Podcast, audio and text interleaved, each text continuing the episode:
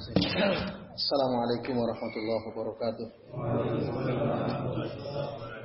Alhamdulillahirabbil alamin wassalatu wassalamu ala asyrafil anbiya'i wal mursalin wa ala alihi wa ashabihi wa man tabi'ahum bi ihsanin ila yaumiddin amma ba'd.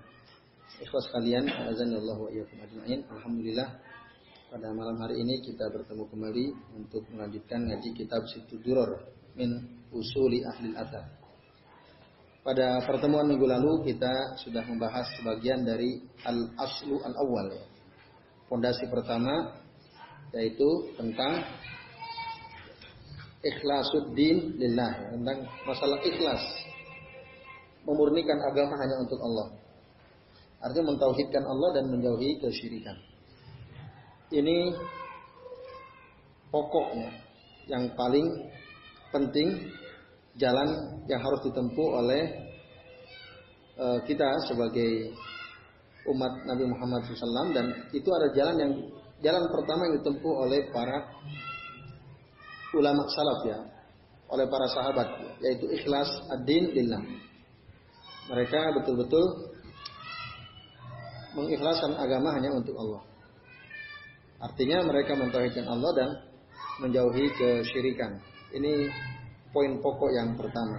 Nah, kemarin kita udah bahas tentang pentingnya pengikhlasan agama untuk Allah, pentingnya tauhid ya. Pada pertemuan malam ini kita masih melanjutkan rincian pembahasan uh, dari bab yang pertama ini atau min asli al awal ya. Yang dijelaskan oleh Syekh Abdul Malik Ramdhani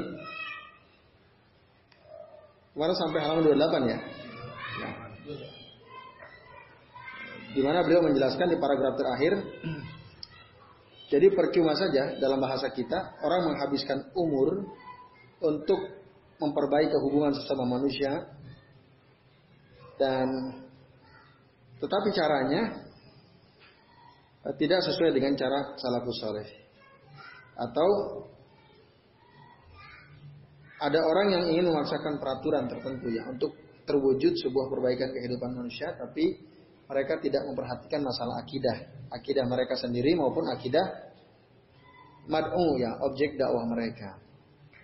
Termasuk ya, perjuangan islahiyat ya, perbaikan-perbaikan di medan segala medan termasuk medan politik sekalipun kalau masalah akidah tidak diperhatikan ya tidak akan jadi-jadi, rusak selalu rusak karena rapuh. Nah, itu yang kemarin kita bahas terakhir ya. Lalu pada poin berikutnya, penjelasan berikutnya beliau menggambarkan bagaimana ada banyak orang ya, kalau kita baca tuh halaman 29 mencela ya, mencaci maki orang-orang yang berdakwah kepada dakwah tauhid. Maka kita lihat di paragraf pertama misalnya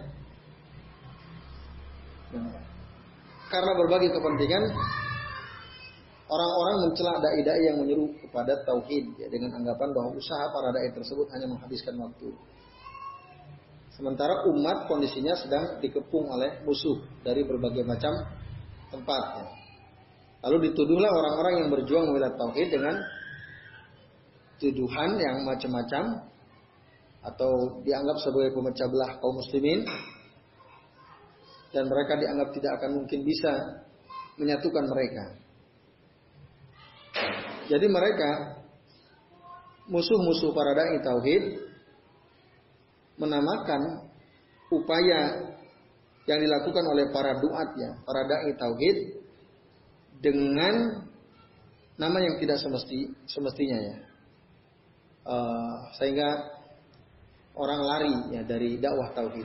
Kalau di Indonesia barangkali ketika ada orang getol mendakwahkan tauhid lalu pasti nanti yang muncul Wahabi misalnya. Itu kan yang berarti wah ini bahaya Wahabi bahaya. Jangan dekati dan seterusnya. Karena ciri khas misalnya para asatidah yang mendakwahkan soal tauhid sering kali tadi dituduh oleh sebagian orang Wahabi dan Wahabi itu dijelaskan misalnya keburukannya apa, penyimpangan jadi mana dan seterusnya, sehingga akhirnya orang menjauhi kajian-kajian tauhid. Nah, Ini, ini dan itu terjadi saya kira.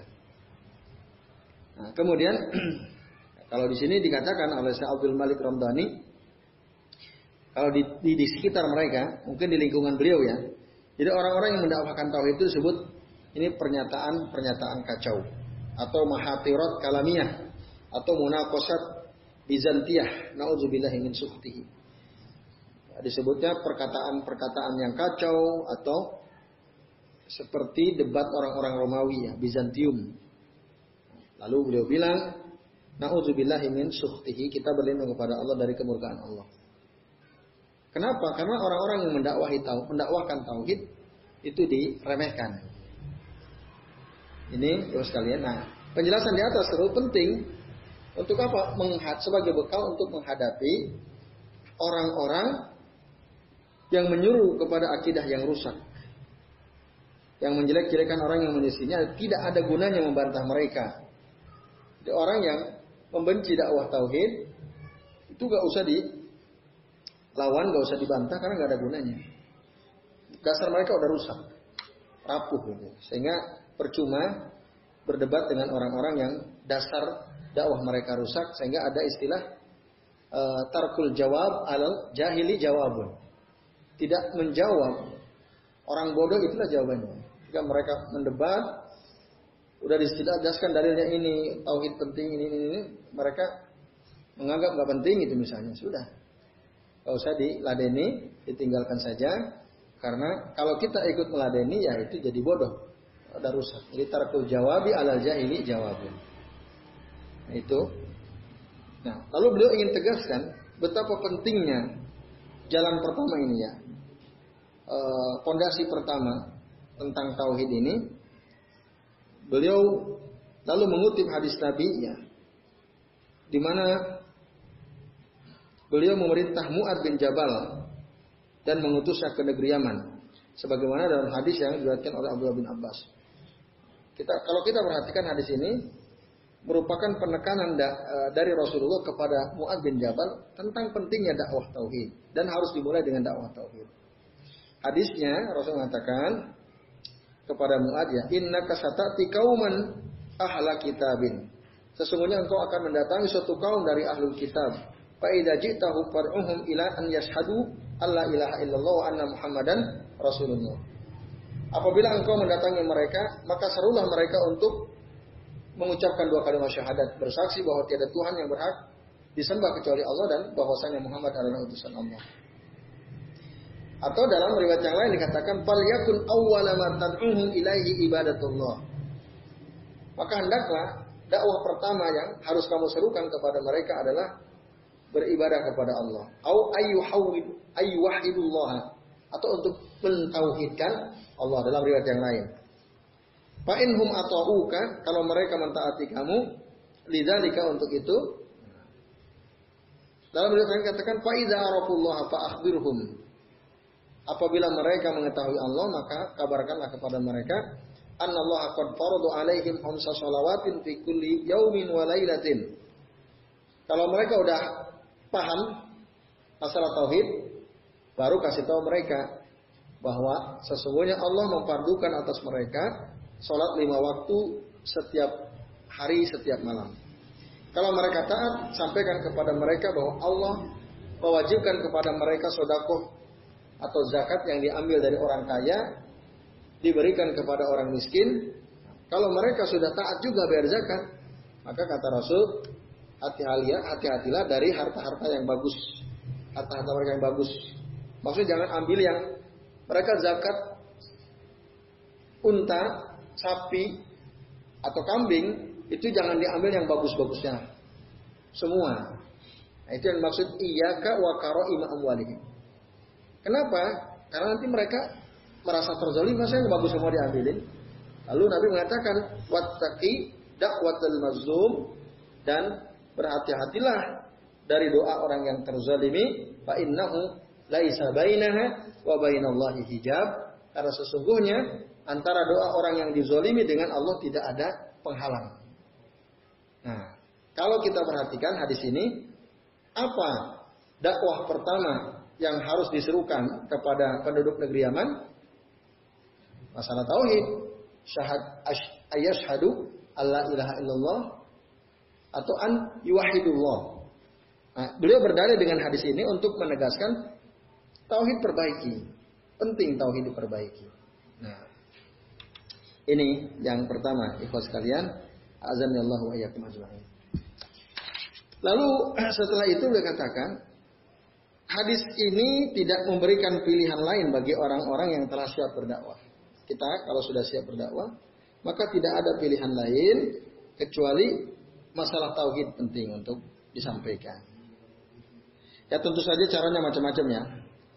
Yang penting manusia diingatkan bahwa kita harus e, beribadah hanya kepada Allah, tidak boleh berbuat syirik. Itu yang pertama kali perlu disampaikan. Bahkan beliau kutip lagi ayat Al-Quran dari surah Al-Ahzab ayat 31 ya. Wa makana li mu'minin wala mu'minatin. Dan tidaklah pantas bagi seorang mukmin laki-laki maupun perempuan idza qadallahu wa rasuluhu amran nah, jika Allah dan Rasulnya telah menetapkan suatu perkara an yakuna lahumul khiyaratu min amrihim. Mereka punya pilihan lain selain apa yang ditetapkan Allah dan Rasulnya. Wa may ya'sillah wa rasulahu faqad dhalla dhalalan mubina. Barang siapa yang mengingkari Allah dan Rasulnya, maka sungguh dia sudah sesat dengan kesesatan yang nyata. Nah, mengutip ayat ini yang dilakukan oleh Syekh Abdul Malik Rombani, beliau ingin menegaskan berdasarkan ayat ini, kalau Rasul sudah ngasih tahu, ngasih contoh, menetapkan, itu ikuti. Rasul dulu dakwah yang pertama-tama disampaikan adalah soal tauhid. Itu dulu. Nggak ada pilihan lain. Itu penting disampaikan. Itu maksudnya. Kenapa beliau kutip ayat ini? Lalu beliau bilang, tapi manusia sekarang ini ya, terheran-heran menganggap aneh katanya. Keutamaan tauhid. Padahal tauhid adalah hak Allah sebagai satu-satu ilah yang patut disembah dan hak yang paling layak untuk dipenuhi diucapkan dengan lidah itulah hak Allah. Akan tetapi mengapa hal ini diremehkan oleh para pemuka dan tokoh manhaj manhaj dakwah yang ada sekarang? Nah, bukankah aturan Allah itu paling berhak untuk ditaati dan dipakai aturannya? Dalam bahasa Arab sebutkan alaisa haqqullahi ahaq ahaq ma putihat lahul abwab wa usihat lahur rihab. Ini suatu keanehan jadi. Jadi orang para penggerak aktivis dakwah banyak yang mencibir gitu ya atau menganggap aneh dakwah tauhid itu. Nah, padahal ini penting. Gitu. Lalu dikatakan Ibnu Qayyim rahimahullah mengatakan tauhid itu adalah miftahu dakwatir rusul. Tauhid itu adalah kunci dakwah para rasul. Lalu disebutlah hadis Mu'ad tadi sebagaimana disebutkan dalam kitab Madarijus Salikin. Itu kata Ibnu Qayyim, tauhid adalah kunci dari dakwah para rasul. Kemudian tauhid merupakan dakwah setiap rasul salawatullah alaihim wassalamuhu. Tauhid merupakan dakwah setiap rasul dan Allah berkali-kali tidak akan melapangkan dan Allah sekali-kali tidak akan melapangkan dada orang yang merasa sempit dengan jalan itu. Wah ini ngeri ya. Jadi pala wasa Allahu sadran doko bidzalika zar'an. Kalau ada orang merasa sempit dengan dakwah tauhid, maka sekali-kali Allah tidak akan lapangkan dadanya, sempit terus. Kalau dia benci dengan dakwah tauhid, itu alamat bahaya. Dakwahi tentang tauhid dia kok sempit dadanya, nggak senang. Nah, kata Sa'udul Malik Ramdhani, beliau bilang, "Fala wasa Allahu sadran doko widzalika zar'an. Lalu beliau buktikan, ingin buktikan mana dalil-dalil bahwa para nabi itu dulu menyeru manusia kepada tauhid. Ada beberapa ayat dikutip, ada sekitar empat ayat. Satu tentang Nuh ya. Walaqad arsalna Nuhan ila qaumihi faqala ya qaumi ibudullaha ma min ilahin ghairu. Dan sungguh telah kami utus Nuh kepada kaumnya. Dan Nabi Nuh berkata kepada kaumnya, sembahlah Allah. Dan tidak ada bagi kalian ya, dari Tuhan kecuali Allah. Kemudian kepada kaum Ad, wa ila Adin akhahum Huda. Dan dikirimlah kepada kaum Ad, saudara mereka bernama Hud. Lalu dia berkata, Ya kaumi budullah malakum min ilahin ghairu. Wahai kaumku, sembahlah Allah, tidak ada Tuhan bagi kalian satupun kecuali Allah. Begitu juga kepada kaum Nabi Samud, diutus Nabi Soleh, dakwahnya sama, tauhid. Begitu juga kepada kaum Madian, nabinya Su'aib dari kalangan mereka, seruannya juga sama. Ya kaumi ubudullah malakum min ilahin ghaib. Itu nabi-nabi semua menyerukan kepada tauhid ya, untuk hanya menyembah Allah saja. Itu kata beliau ya, bukti-bukti bahwa tauhid ini perkara paling penting. Lalu setelah itu beliau katakan, demikianlah sekalipun umat para rasul ini berbeda-beda dan beragam permasalahannya, akan tetapi dakwahnya kepada tauhid tetap sebagai dasar penting itu tauhid. Kaum nabi-nabi terdahulu beda-beda masalahnya. Ada yang mereka bermasalah dari sisi ekonomi, banyak yang curang. Kalau membeli timbangannya tidak disempurnakan. Ya, itu yang disebut dalam surah Al-Mutaffifin itu ya. Tapi kalau mereka jual, mereka kurangi, kalau mereka beli inginnya dipenuhi. Itu masalah. Ada yang masalah politik kaum Madian. Dan ada yang ya tidak berhukum dengan hukum yang diturunkan Allah Subhanahu wa taala. Tapi semua dakwahnya tadi ya qaumi ubudullaha. Nah, itu kan. Malakum min ilahin ghairu. Semua itu sama. Baik masalah politik, masalah ekonomi, masalah hukum dan seterusnya. Untuk supaya mereka betul-betul menyembah Allah dulu. Itu ikhwas kalian. Lalu di halaman 32 ya, paragraf yang ketiga, Lo katakan dan cahaya dakwah tauhid yang diberkahi ini janganlah padam. Janganlah padam sampai kapan pun lantaran adanya anggapan bahwa tauhid telah bersemayam di hati setiap orang. Nah, ada orang yang menganggap remeh tauhid itu kan udah adalah di hati setiap orang. Karena dia sudah ada di hati setiap orang, maka nggak penting lagi, nggak penting disampaikan. Karena setiap orang sudah bertauhid. Nah, ada anggapan seperti itu. Nah, lalu dikatakan, apakah kalian tidak mendengar permohonan seorang pemimpin orang-orang bertauhid, yaitu Nabi Ibrahim alaihissalam, karena beliau sangat takut kepada terkena syirik. Nah, beliau ngasih contoh, jangan sampai kita anggap tauhid itu perkara remeh. Kita ngomong tauhid itu kan udah bersemayam dalam hati setiap orang. Kalau ditanya orang siapa Tuhan, pasti bilang Allah. Kan begitu ya.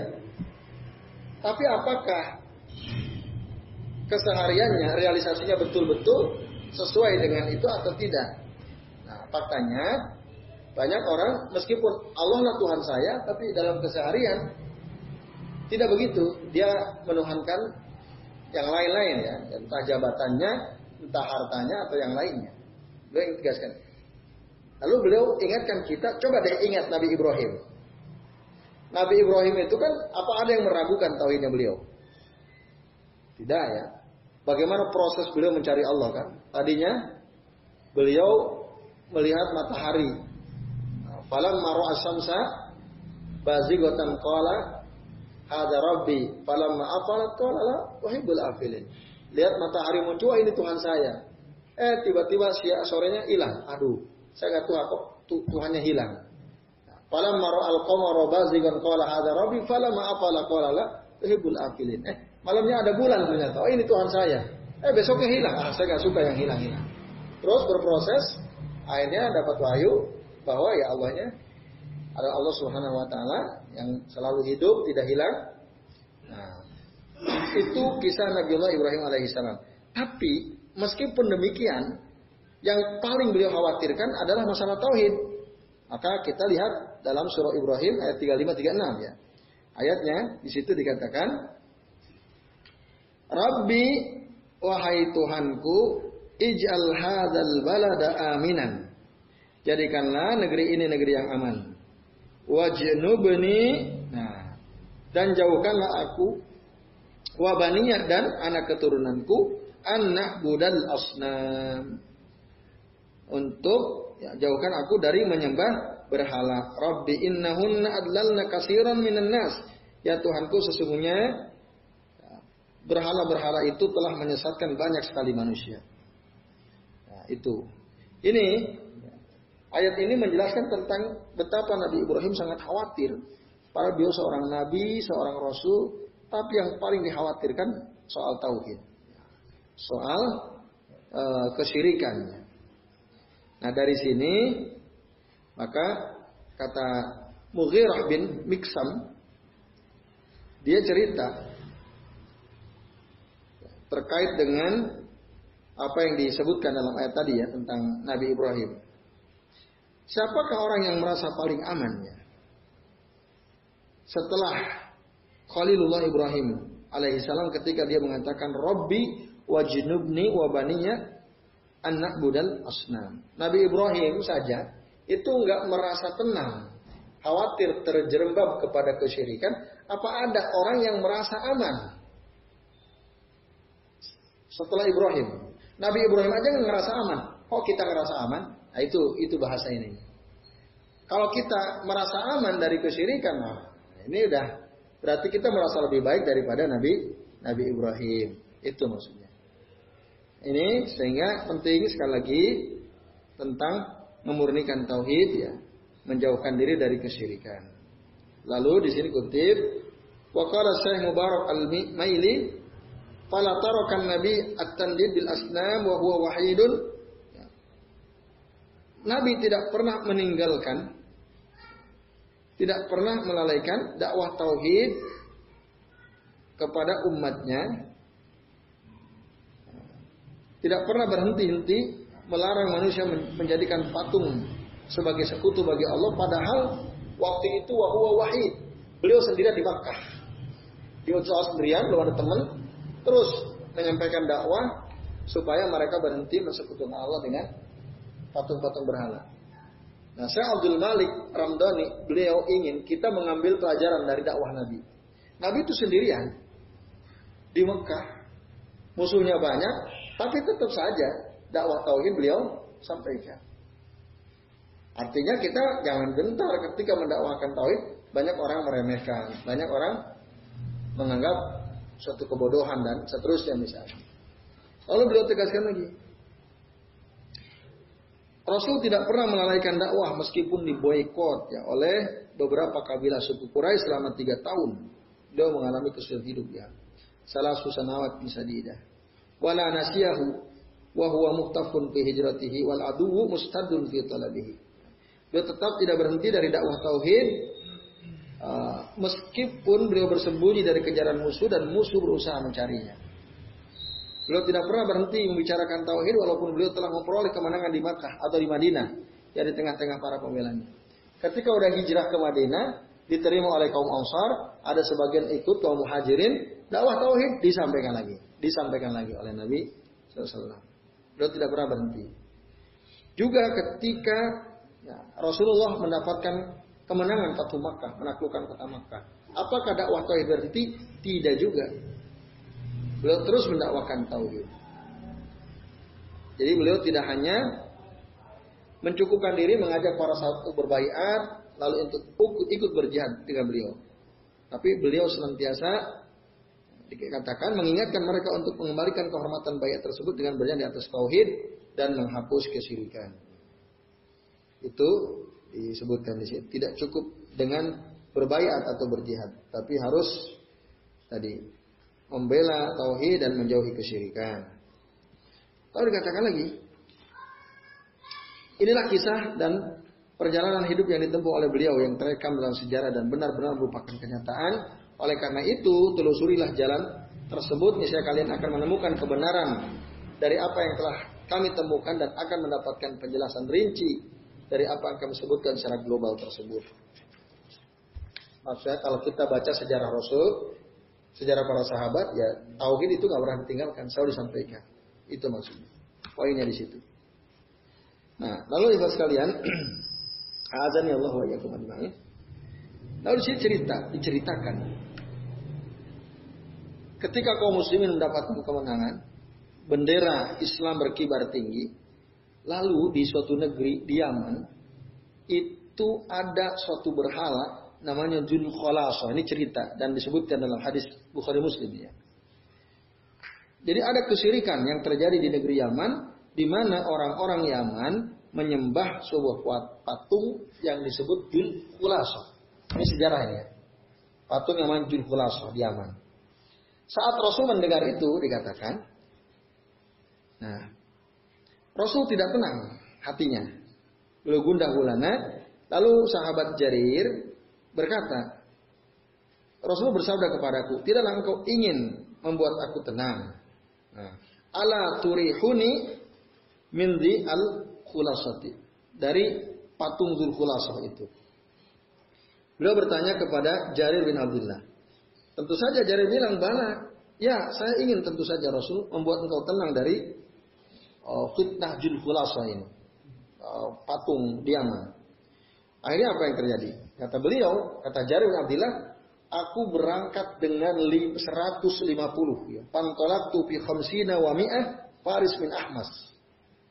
150 ini dari suku Ahmas, mereka ini jago-jago penunggang kuda. Orang-orang hebat semua, pilihan. Untuk mendakwahi negeri Yaman, itu ya. Yang di sana ada sebuah patung sangat masyhur sampai ke telinga Rasul namanya Jul Kulasah tadi. Namanya Jul Kulasah. Nah, padahal kata si Jarir bin Abdullah ini, aku ini nggak mahir naik kuda, tapi karena semangat ingin menunaikan keinginan Nabi, beliau berangkat memimpin pasukan sejumlah 140, mereka jago naik kuda semua. Nah, hanya ceritalah beliau kalau beliau tidak bisa dipukul oleh Nabi dadanya sampai-sampai saking Nabi ingin memberi dorongan semangat kepada Jarir bin Abdullah dipukul dadanya. Pukul dadanya dan beliau mendoakan Allahumma sabbithu waj'al hadiyam mahdiyah. Yang artinya Allah kokohkanlah si sabit ini. Maksudnya kokohkan kuatkan dia berada di atas punggung kuda. Kan dia belum mahir didoakan Rasul dan jadikanlah dia sebagai pemberi petunjuk yang mendapatkan petunjuk dari Allah. Waj'alhu hadiyam mahdiyah. Nah, singkat cerita, ibu sekalian, beliau bilang, setelah itu dalam perjalanan ke negeri Yaman cukup jauh, aku tidak pernah sedikit pun terjatuh dari kuda. Padahal tadinya nggak biasa naik kuda. Karena didoakan Nabi berkah mustajab doanya, berhasil dia sampai ke sana, Lalu ternyata patung Jin Khulaso itu ada di sebuah rumah penduduk negeri Yaman namanya Khosam sama Bajilah. Di sana di patung itu ditanam ya, didirikan dan disembah-sembah. Kalau di kita ini di Bantul ada patung ya. Patung Yesus. Besar kan ada di mana tuh? Pajangan. Nah, Rasul kalau ada gelisah tuh. Nah, belum di Manado itu tinggi banget di bukit. Saya lihat di foto itu ya, bukit. Wow, ngeri. Daerah mana itu Manadonya? Papua ada juga kan? Wah, itu Nabi kalau dengar juru kulaso tidak tenang beliau, gundah gulana. Nah, ini kita nyantai-nyantai aja. Jadi Bantul patung nyantai. Di Papua, di Manado nyantai. Padahal kan di sana kaum muslimin banyak kan? Nah, ada juga kan patung di sini? Oh. Besar. Di luar apa di dalam? Oh di dalam. Oh di halaman. Nah ini. Negeri Yaman tidak semua Muslim juga. Kan tidak semuanya Muslim. Tapi Rasul gelisah ini kok ada patung yang sangat populer. Nah, beliau minta bantuan kepada Jarir bin Abdullah untuk menghancurkan patung itu dan berhasil. Jarir bin Abdullah berhasil ya menghabisi patung Julkhulaso yang ada di rumah Khasam dan Bajilah itu. Nah, itu disebut katanya Ka'bahnya mereka. Dibakar, dipecahkan. Nah, itu. Karena apa? Islam kuat. Islam kuat. Di sini, wah bisa habis orang Pringgolayan tuh kalau berani macam-macam. Dikit aja soal kuburan ribut orang kan se-Indonesia gitu ya. Kita mungkin ketar-ketir juga. Nah, ini, ini berarti memang Islam itu lemah sekali sekarang kan. Maka tidak salah jika Nabi mengatakan kalian itu nanti kelak akan jadi rebutan umat-umat yang lain. Bagaikan hidangan di atas meja diperebutkan. Anahnu qalilun yauma idzin ya Rasulullah. Apakah waktu itu jumlah kita sedikit ya Rasulullah? Nah, enggak kata Rasul. Bal antum kasir, bahkan jumlah ente kalian banyak waktu itu. Benar kan? Banyak jumlah kita sekarang. Di Indonesia aja paling banyak Islam. Nah, tetapi apa? Karena kalian tertimpa penyakit wahn. Asobakumul wahn. Ma huwal wahn? Ubud dunya wa karahiyatul mau cinta dunia dan takut mati. Itu udah disampaikan oleh Rasulullah Shallallahu Alaihi Wasallam. Nah, itu bukan berarti kan orang berarti mungkinnya gini. Kan Rasul udah ngingetin bahwa umat sekarang itu jumlahnya banyak, cinta dunia takut mati, ya udah manut aja lah. Buk, buk, bukan berarti Rasul nyuruh kita untuk takut. Justru jangan sampai kalian seperti mereka. Nah, argumennya gitu, apologinya. Jangan, jangan melawan hadis. Kan Rasul sudah sudah menyampaikan begitu ya. Nah, maksudnya Rasul ngomong begitu, jangan sampai kita seperti orang-orang itu. Harusnya begitu, harus. Tapi saya yakin kan kebanyakan kita, wah takut tidak toleran, takut dibilang radikal, macam-macam kan. Tapi kalau umat Islam bicara tentang konsep Islam, dihabisi. Itu yang ngaco kan? Ah itu. Padahal yang habisi juga orang Islam juga sebagian kan. Nah, siapa mereka? Itulah mereka yang hubbud dunya wa karahiyatul maut. Itu yang perusak-perusak itu yang cinta-cinta dunia itu. Habis oleh mereka. Wah mungkin jumlahnya nggak terlalu banyak. Tapi karena mereka dekat dengan kekuasaan, nah ngeri itu. Ya. Nah, ikhlas kalian, ini suatu fakta memang. Tapi tadi bukan berarti kita harus ya udahlah menyerah saja orang kata Rasul begitu. Enggak begitu, harus justru kita harus bangkit belajar dari apa yang eh, terjadi pada zaman Nabi Shallallahu Alaihi Wasallam. Maka sahabat langsung saya ya Rasulullah. Jadi bin Abdullah tadi ya. Berangkat, habisin, bakar, pecahkan. Takut juga mereka. Karena tadi pemimpinnya betul-betul Islamnya. Gak ada yang berani melawan orang Yaman. Diam semua kan. Padahal jarak dari Madinah ke Yaman cukup jauh.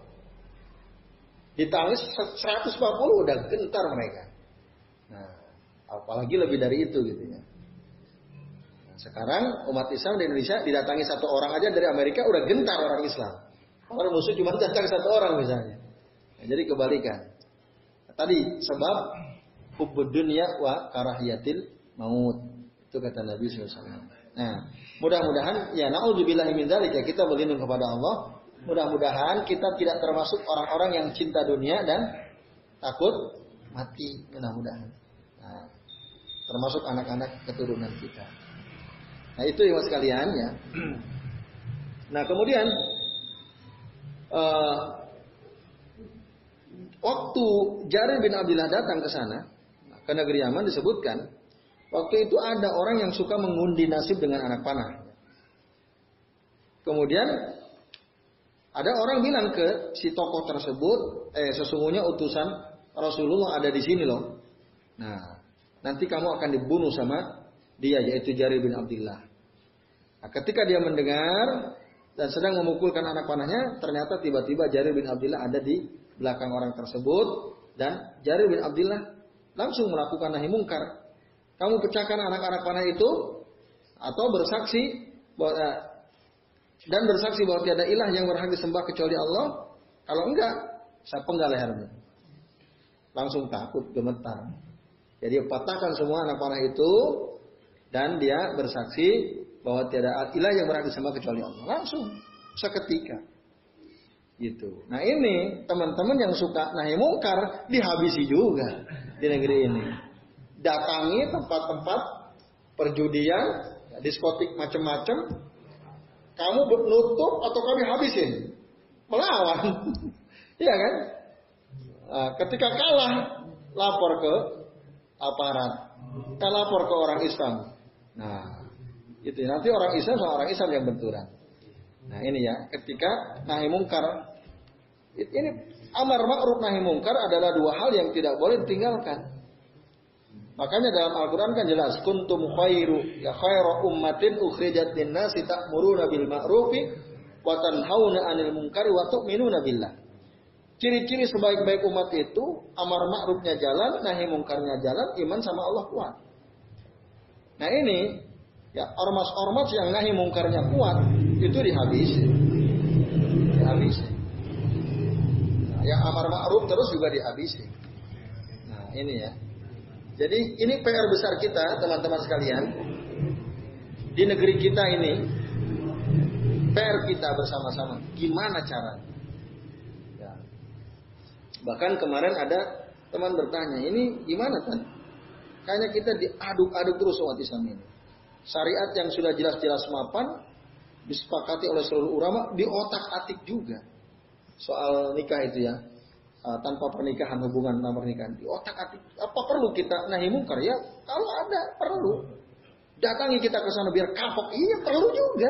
Kalau memang ada orangnya gitu ya, punya keberanian. Kenapa tidak? Itu bagian daripada nahi mungkar. Nah, karena kalau enggak begitu, ya enggak terus mereka bebas gitu ya. Dengan alasan alamnya demokrat, eh, demokrasi itu ya. Kalau alam demokrasi ya orang bebas ngomong apa aja. Nah, sampai ada artikel uh, yang intinya dia mempertanyakan sikap demokratis kaum muslimin gitu ya. Masa ngomong aja berpendapat aja apa dilarang gitu. Nah, mereka nggak paham Islam.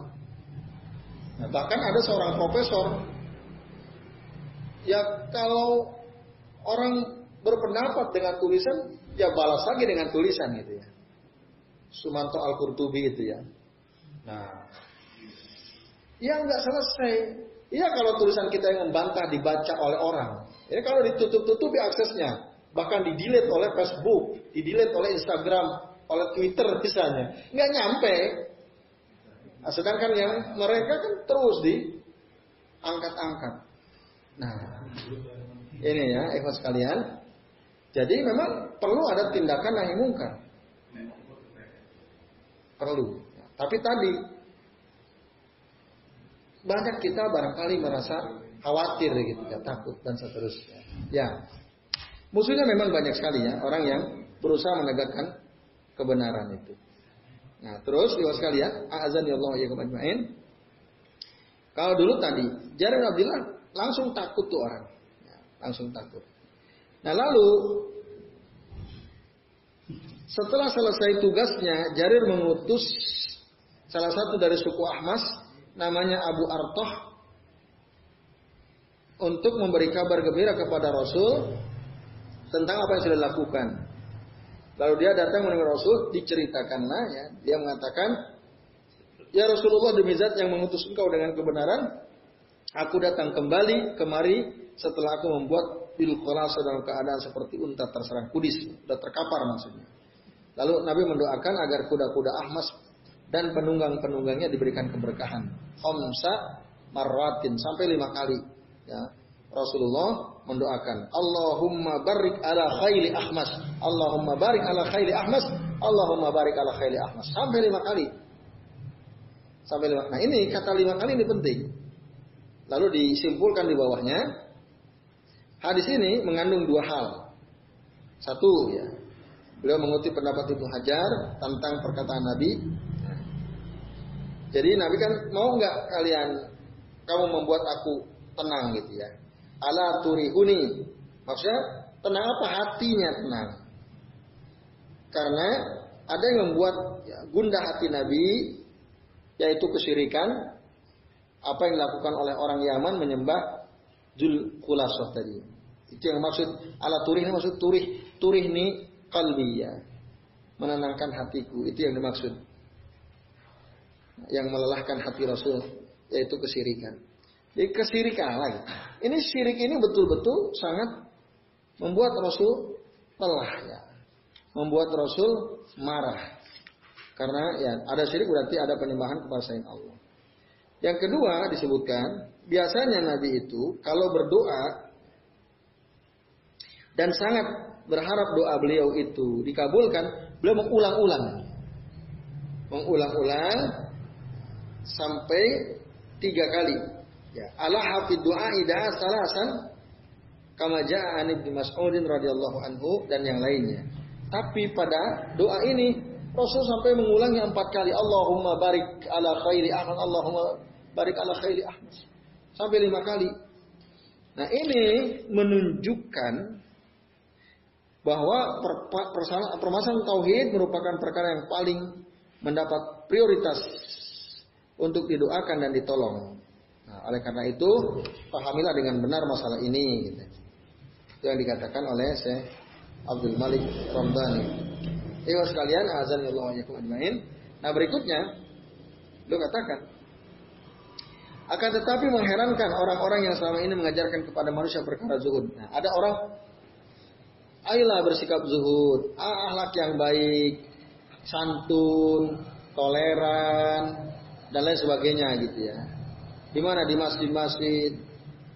Uh, kemudian uh, tapi mereka di sini katakan sama sekali tidak menggerakkan orang mempermasalahkannya nah, ketika ada orang menyembah kuburan gitu ya.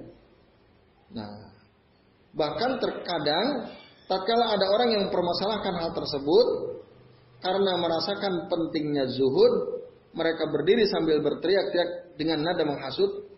Ya, ketika ada orang yang mendakwakan tauhid, pada sisi yang lain mereka mendakwahkan zuhud gitu ya. Lalu dia bilang orang yang mendakwahkan tauhid hanya memecah belah umat saja. Nah, itu maka terlalu tergesa-gesa dan tidak hikmah bijaksana. Ah ini ini terjadi dikit ya. Orang-orang komunis selamat dari celaannya.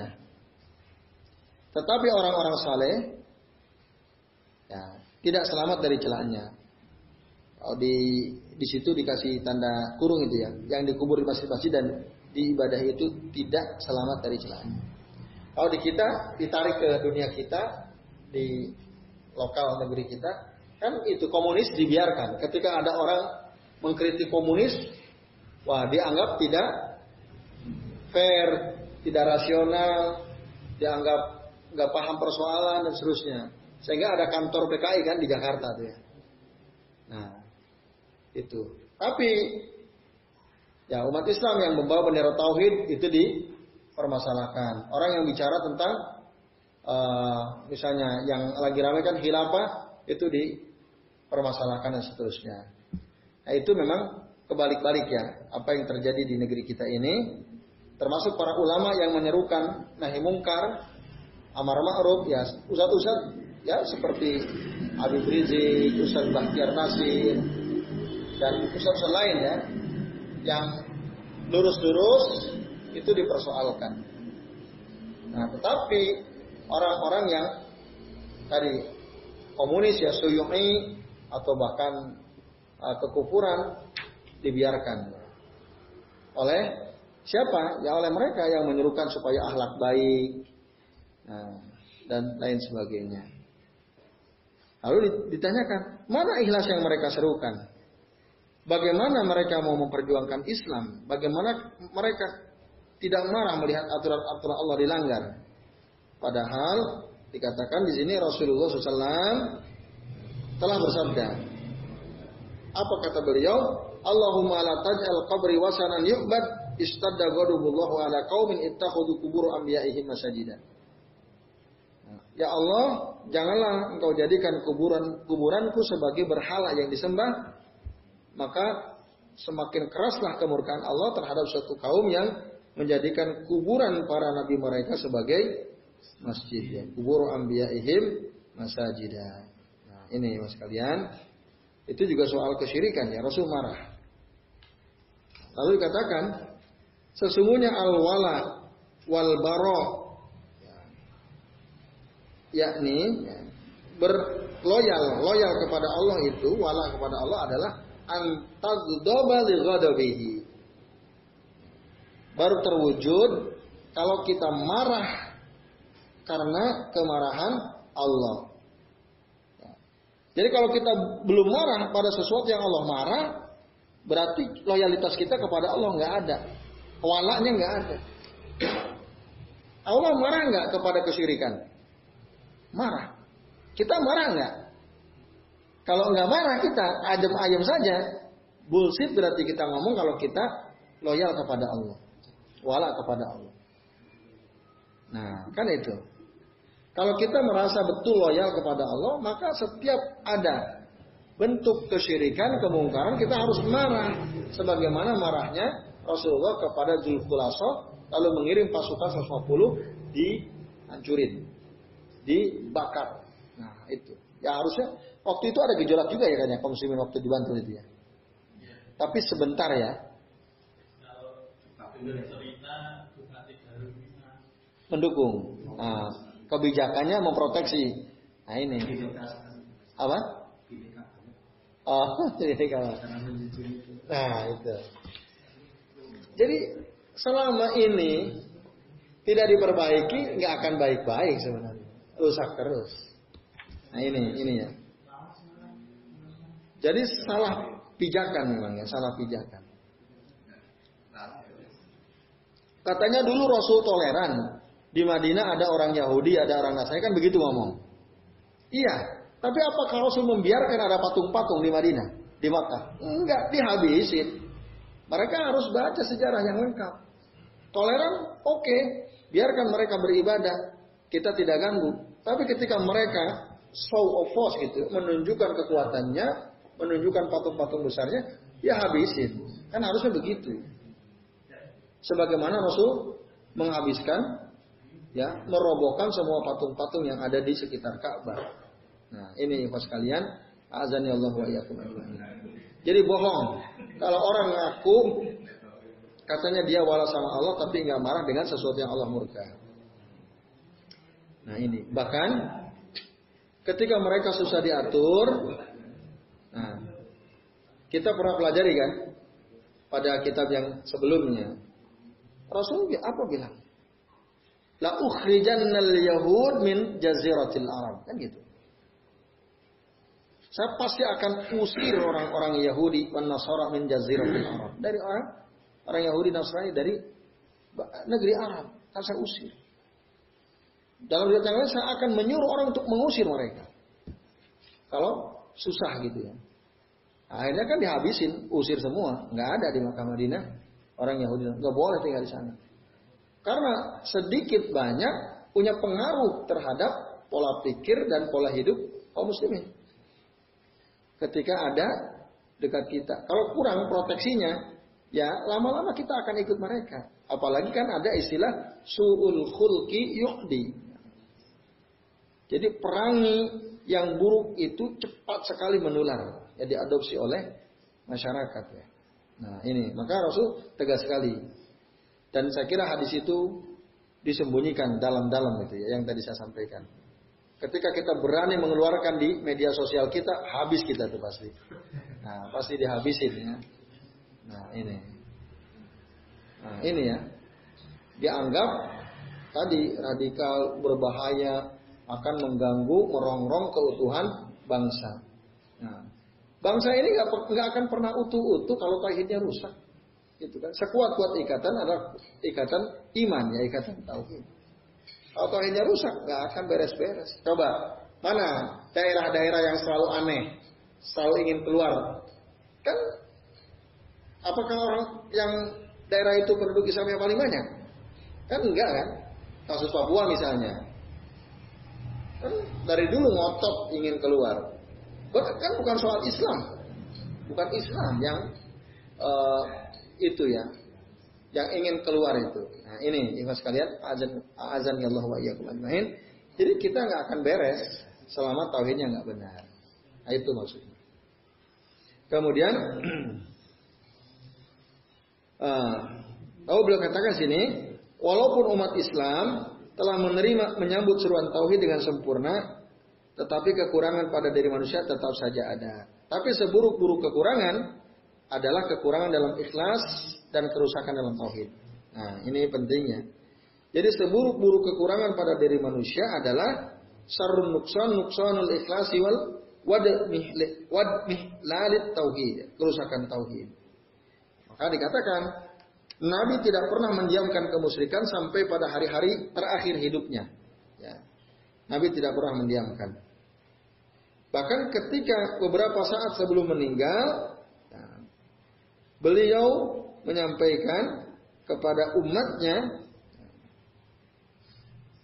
uh, di akhir ya hidup beliau di puncak uh, kekuatan tauhid kaum muslimin dan kesatuan mereka Rasul nah, tetap menasihatkan tentang pentingnya tauhid. Maka disebutkan dalam hadis Jundub bin Abdullah al-Bajli beliau bilang aku mendengar Rasul ya SAW bersabda sebelum beliau meninggal dunia lima hari sebelum meninggal beliau bilang apa? Ini abra'u ilallahi an yakuna liminkum khalil. Ini ya. semua aku tidak tidak mau mengambil seseorang dari kalian sebagai khalil. Fa Allah qad ittakhadha qad ittakhadani khalilan karena Allah sudah menjadikan aku sebagai khalilnya kama ittakhadha Ibrahim khalilan sebagaimana Allah menjadikan Ibrahim sebagai khalil.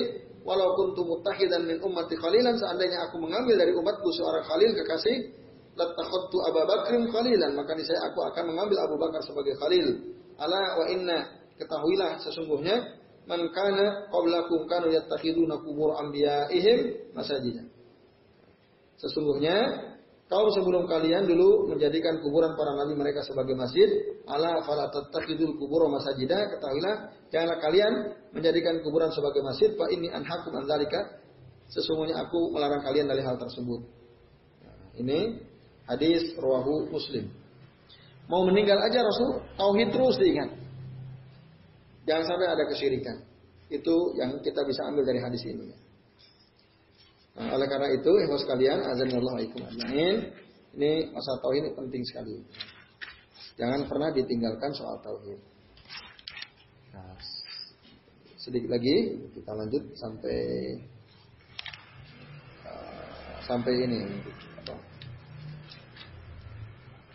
beberapa kalau di teks Arabnya sih sedikit. Nah, kita lihat berikutnya lalu dikatakan senantiasa a'immatuddin yuzakuna ala hadhihi dakwah al-mubarakah. Senantiasa yurakizun.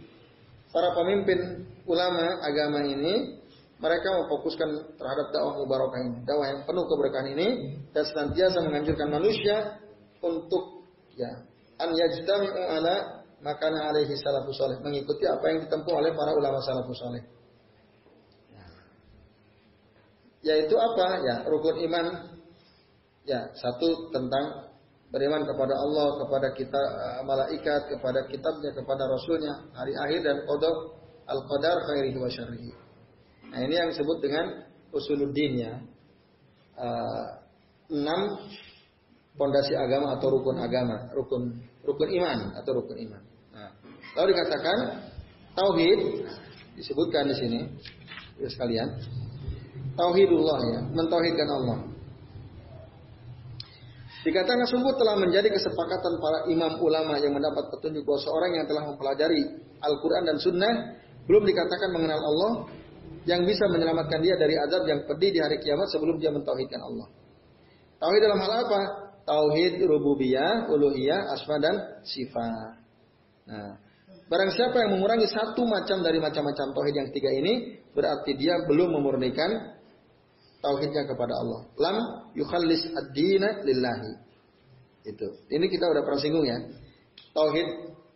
Nah, ada orang bilang begini, ada kita bahkan barang siapa yang membagi tauhid kepada tiga, tauhid rububiyah, uluhiyah, asma dan sifat, maka sesungguhnya dia seperti orang Nasrani dengan konsep trinitasnya.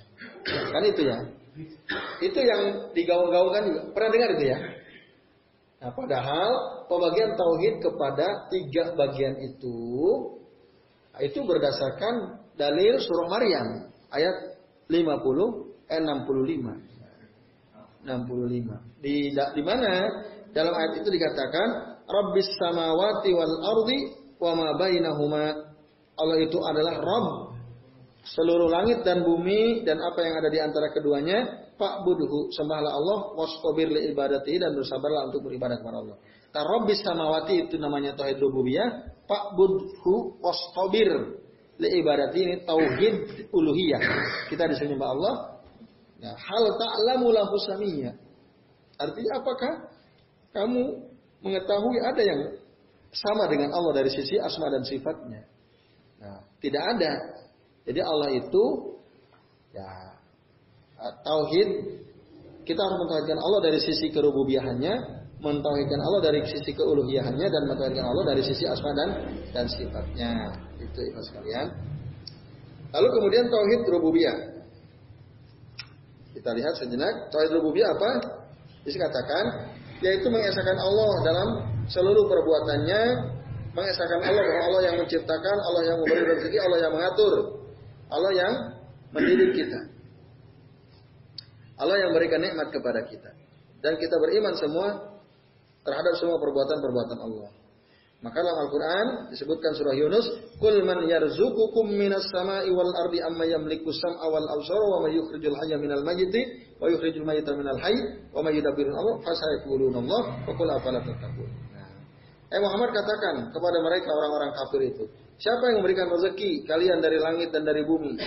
Siapa yang memiliki pendengaran dan penglihatan? Siapa yang menghidupkan orang yang yang mati dari yang eh, yang hidup dari yang mati dan mengeluarkan yang mati dari yang hidup? Dan siapa yang mengurus seluruh urusan ini? Orang-orang kafir akan bilang Allah, wasyakurun Allah, fakullah fala tatakun. Lalu katakanlah kenapa kalian tidak bertakwa? Nah, sekalian ini tauhid rububiyah. Intinya tauhid rububiyah itu orang kafir kalau ditanya siapa yang nurunin hujan? Pasti bilang Bapak atau Allah lah ya, Tuhan, Allah gitu ya. Siapa yang memberi rezeki kepada kalian? Siapa yang mengatur alam raya? benda-benda di langit. Mereka pasti yakin itu Allah. Tuhan Bapa mungkin sama mereka gitu. Nah, ringkasnya dalam tauhid rububiyah ini orang kafir pun mengiyakan. Ya kan? Ini ini ada buktinya ayat itu. Bahkan Allah bilang wala in sa'altahu man khalaqas samawati wal ardo la yakulun Allah. Kalau kamu tanya ya Muhammad kepada mereka, siapa yang ciptakan langit dan bumi? Mereka pasti akan bilang Allah. Nah, ini mas kalian. Tapi kita kalau hanya bertauhid secara rububiyah, ini belum selesai. Kita udah mengesahkan yang kasih rezeki, saya yakin Allah, ya percaya. Yang ngatur alam raya Allah. Yang ngatur segala urusan Allah. Itu saja nggak cukup. Nah, kalau tauhid uluhiyah dan asma wa sifatnya nggak benar. Itu sama aja kita sama orang orang kafir. Lalu apa? Nah ini nanti ada kritik terhadap konsep tauhid uluhiyah ini. Uh, yang ada di Asyairah. Kita lihat di bawahnya tauhid uluhiyah. Apa itu tauhid uluhiyah? Yaitu mengesahkan Allah dalam beribadah. Ya, dalam beribadah. Kita tidak boleh menyembah kecuali hanya kepada Allah saja. Tidak ber, tidak sholat, tidak berdoa, tidak menyembelih kecuali hanya untuk Allah, tidak toa kecuali hanya di Baitullah dan tidak beristighosah dengan mayit dengan orang yang tidak ada di tempat tidak bertawakal kecuali hanya kepada Allah yang telah menciptakan. Nah, dalilnya adalah tasalli li rabbika wanhar.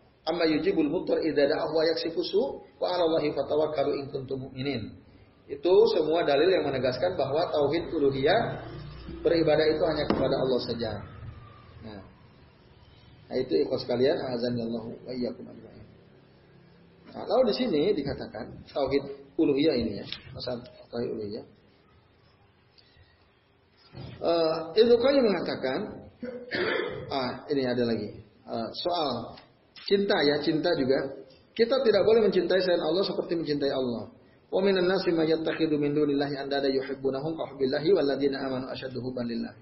Ada di antara manusia yang menjadikan selain Allah sebagai sekutu. Mereka mencintai sekutu Allah itu sebagaimana mencintai Allah, sedangkan orang-orang beriman kecintaannya sangat besar kepada Allah. Nah, Ibnu Qayyim mengatakan, kamu lihat orang musik itu amalannya menyelisihi ucapannya sendiri. Mereka mengatakan kami tidak mencintai sembahan, kami seperti mencintai Allah dan kami tidak menyamakan mereka dengan Allah. Akan tetapi mereka marah ketika kehormatan berhala-berhala dilanggar dengan kemarahan yang lebih besar daripada kemarahan karena Allah. Orang musik itu senang dengan selalu menyebut-nyebut nama-nama sesembahan mereka, lebih-lebih tentang kelebihan-kelebihan mereka yang sebenarnya tidak benar. Seperti apa mampu menghalangi kemalangan, melepaskan kesulitan, memberikan hasil kebutuhan, mampu menjadi pintu yang menghubungkan antara Allah dengan hamba-hambanya. Kita bisa melihat kalau seorang musik itu merasa senang, bergembira, serta hatinya bangga terhadap sesembahan semut tersebut. Penghormatan mereka pun sangat mendalam, karena mereka begitu tunduk dan setia kepada sesembahan mereka. Maka apabila kami, eh kamu menyebutkan bahwa hanya Allah yang layak disembah, dan kamu murnikan tauhid hanya untuk Allah, di hadapan mereka, misalnya mereka merasa susah, sempit hatinya dan keberatan.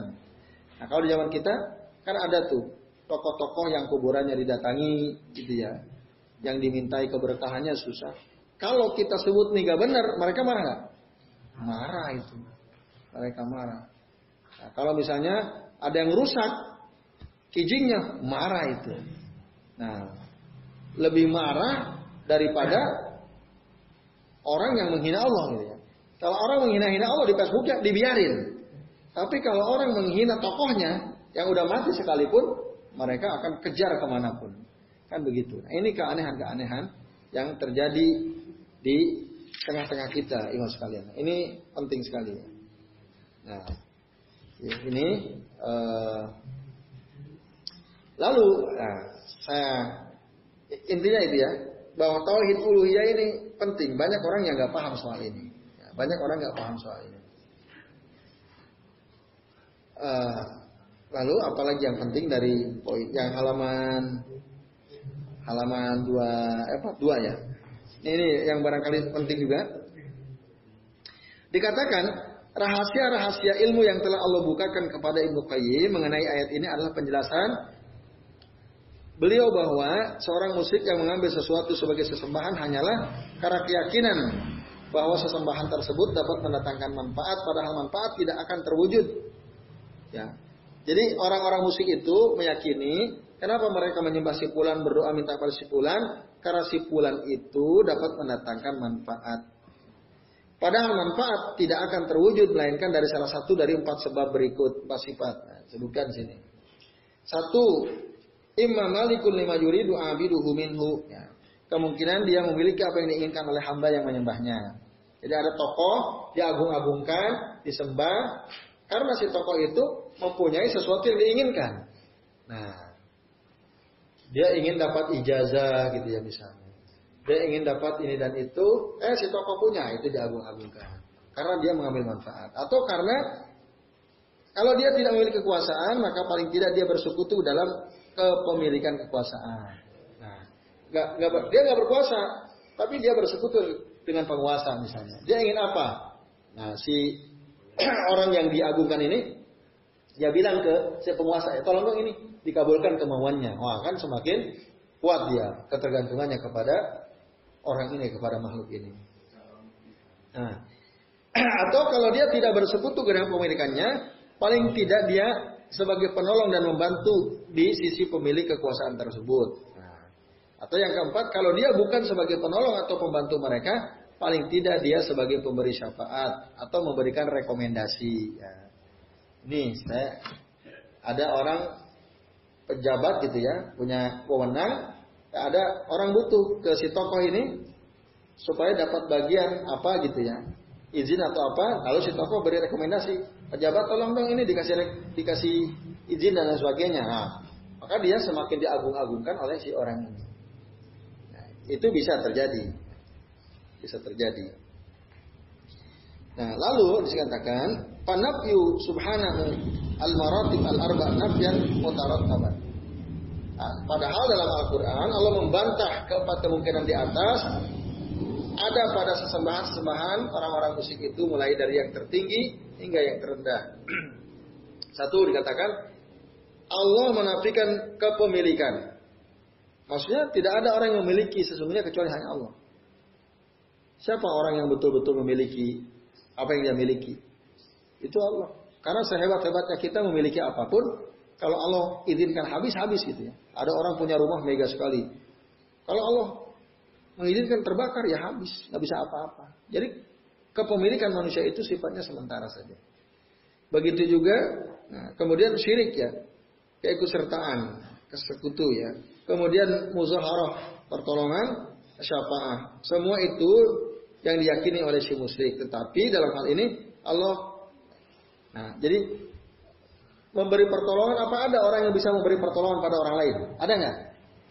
Yang betul-betul bisa memberi atas kehebatan dirinya? Nggak ada kan? Ketika dia bisa memberi karena izin Allah. Nah, begitu juga bersekutu dengan orang orang lain tidak bisa kecuali dengan izin Allah. Nah, kecuali tentang syafaat ini katakan tidak menafikan adanya syafaat yang diberikan kepada selain orang musyrik. Yang eh, syafaat mungkin diberikan kepada selain orang musyrik, yaitu syafaat yang diizinkan oleh Allah. Tetapi ya,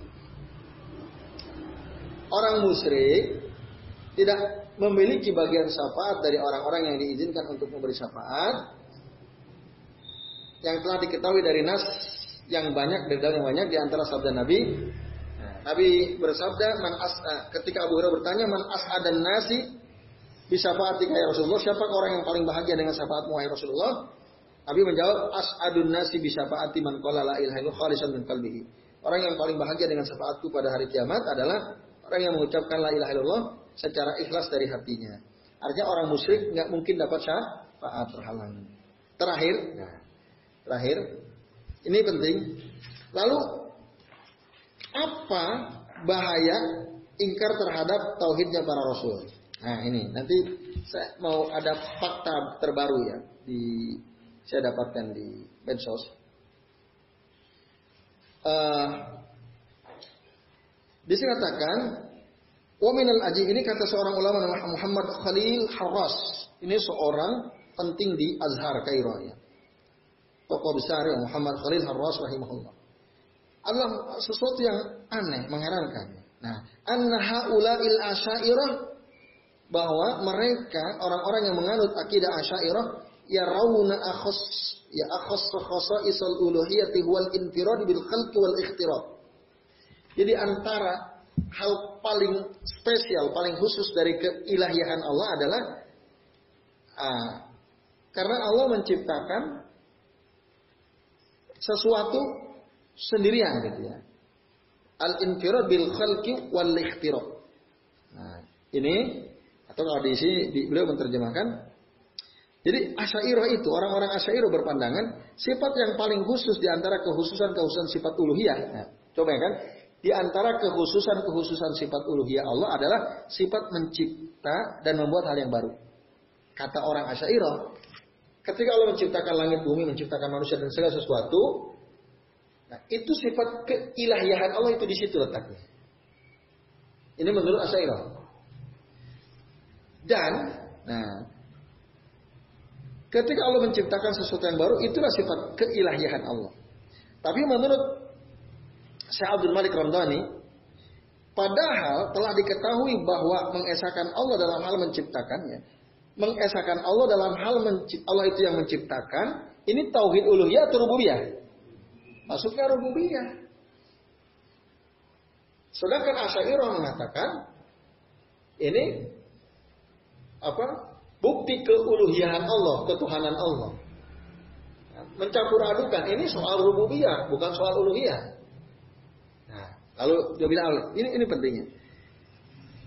Yang diakui dan diyakini juga oleh orang-orang musyrik. Kalau soal Allah menciptakan, Allah membuat perkara yang sama sekali baru, tidak ada yang menciptakan sebelumnya. Ini kan diakui juga oleh orang musyrik. Iya kan?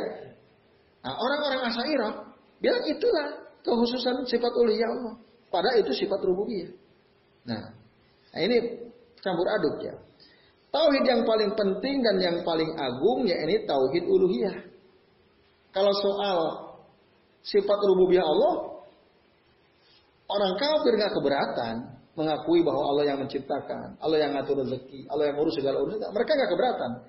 Tapi ketika mereka disuruh untuk bertauhid secara uluhiyah, beribadah hanya kepada Allah, tidak jawab patung, berat mereka. Tidak mengagung-agungkan manusia, ditakdis gitu, dikutuskan, berat mereka.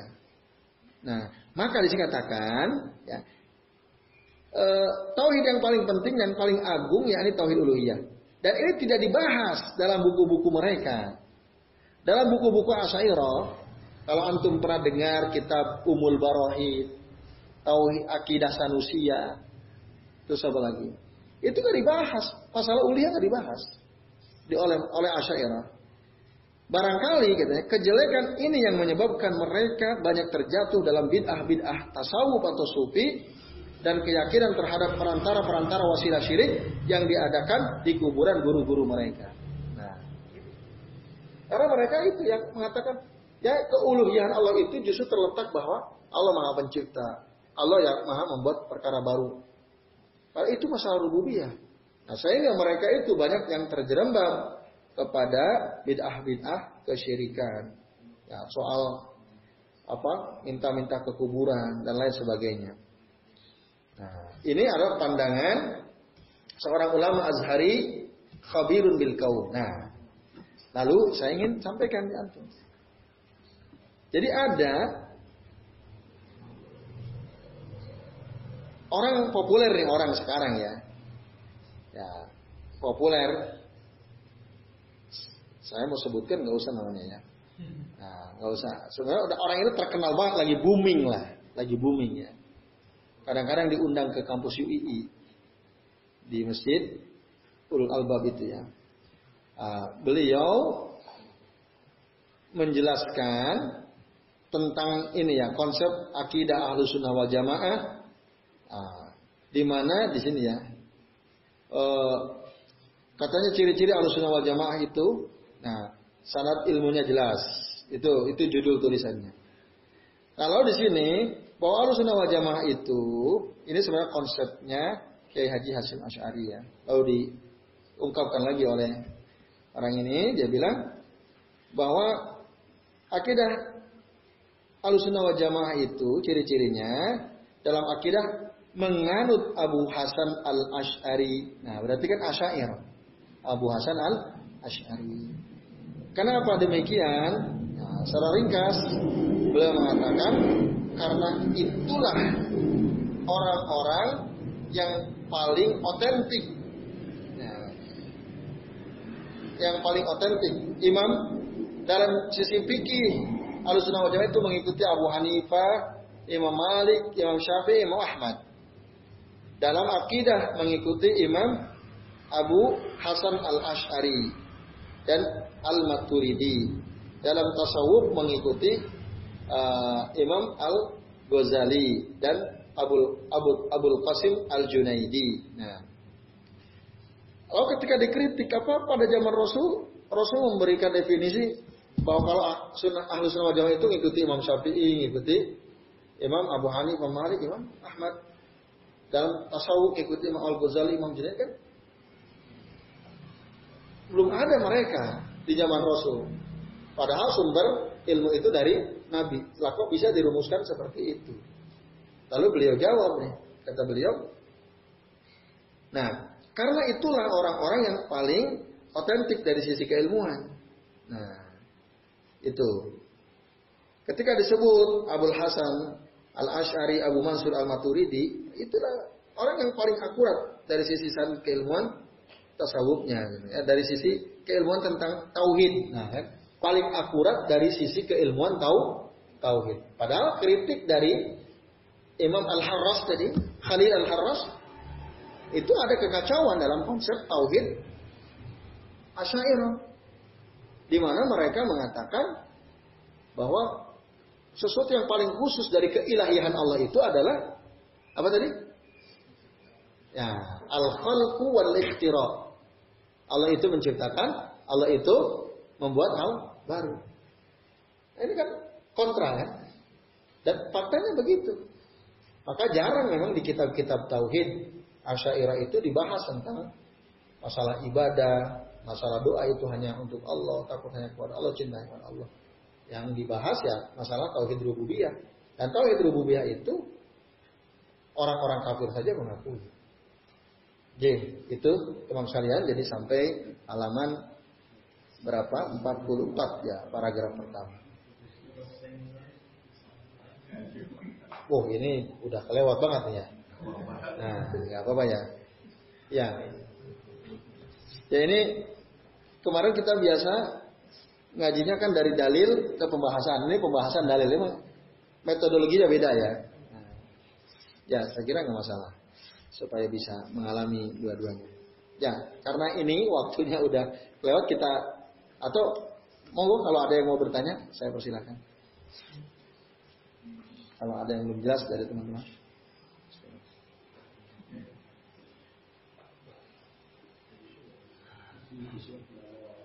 Udah jelas ya? Oke, baik. Alhamdulillah kalau sudah jelas, mudah-mudahan menambah ilmu buat kita ya. Dan saya mohon maaf apabila yang saya sampaikan ada kesalahan atau kekeliruan.